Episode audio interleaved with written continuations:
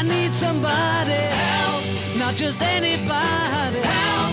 You know I need someone help. Det har foregått mange svik på hjertefronten. Hjerte, smerte og store sorger. Men hjertesvikt, hva er det, Morten Munkvik? Hjertesvikt, du, det er at hjertet ikke klarer å gjøre jobben sin. Og hva er hjertet? Jo, det er en pumpe. Så når, når den pumpen ikke funker sånn som den skal, så sier vi at hjertet svikter. Men det er ikke infarkt eller flimmer eller angina spesifikt? Nei, er, det er stor, er det en stor sånn sekkebetennelse? Ja, ja, ja, det er en slags sekk. Det er mange ting som kan gi hjertesvikt. De tingene du var innom der, både flimmer og at hjerterytmen er feil, eller at det er en, at det har vært et infarkt, eller altså at noe av hjertemuskelen har dødd vekk, alle de tingene der kan gi svikt. Hvem får dette? Kjønn og alder? Det er jo en, iallfall i alle fall tidligere, en mannesykdom.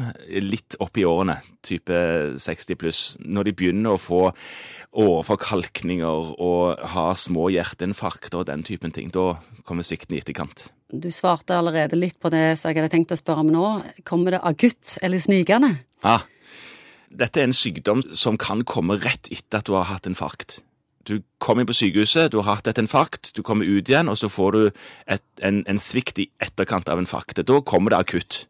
Men det kan òg komme litt sånn sigende på, sant? at det rett og slett hjertet klarer så vidt å pumpe det blodet han skal, og da får du litt svikt. Hva er symptomene da hvis hjertet begynner å svikte meg?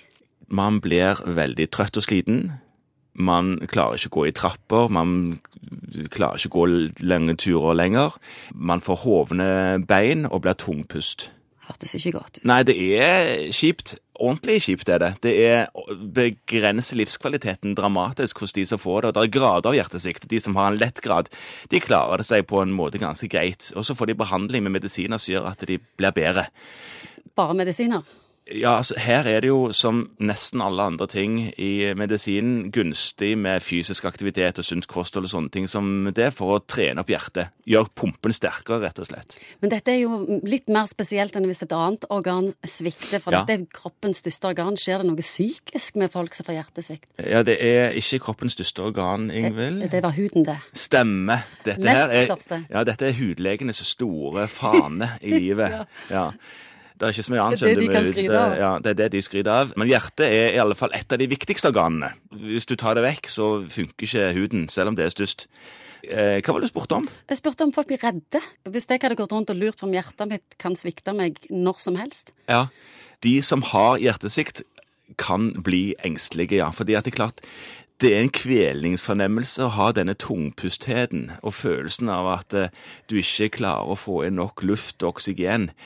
Eh, at du går med hiv etter pusten kanskje, og at du blir stoppet opp halvveis i trappene for å ta en liten rast.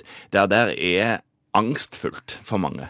Går det an å leve et eh, forholdsvis normalt liv til tross for at en lider av hjertesvikt? Det går helt fint hvis du ikke har en alvorlig hjertesvikt som ikke lar seg på en måte behandle bedre med medisiner. Men en lettgradig hjertesvikt kan du leve helt, så godt som helt normalt med. Help me.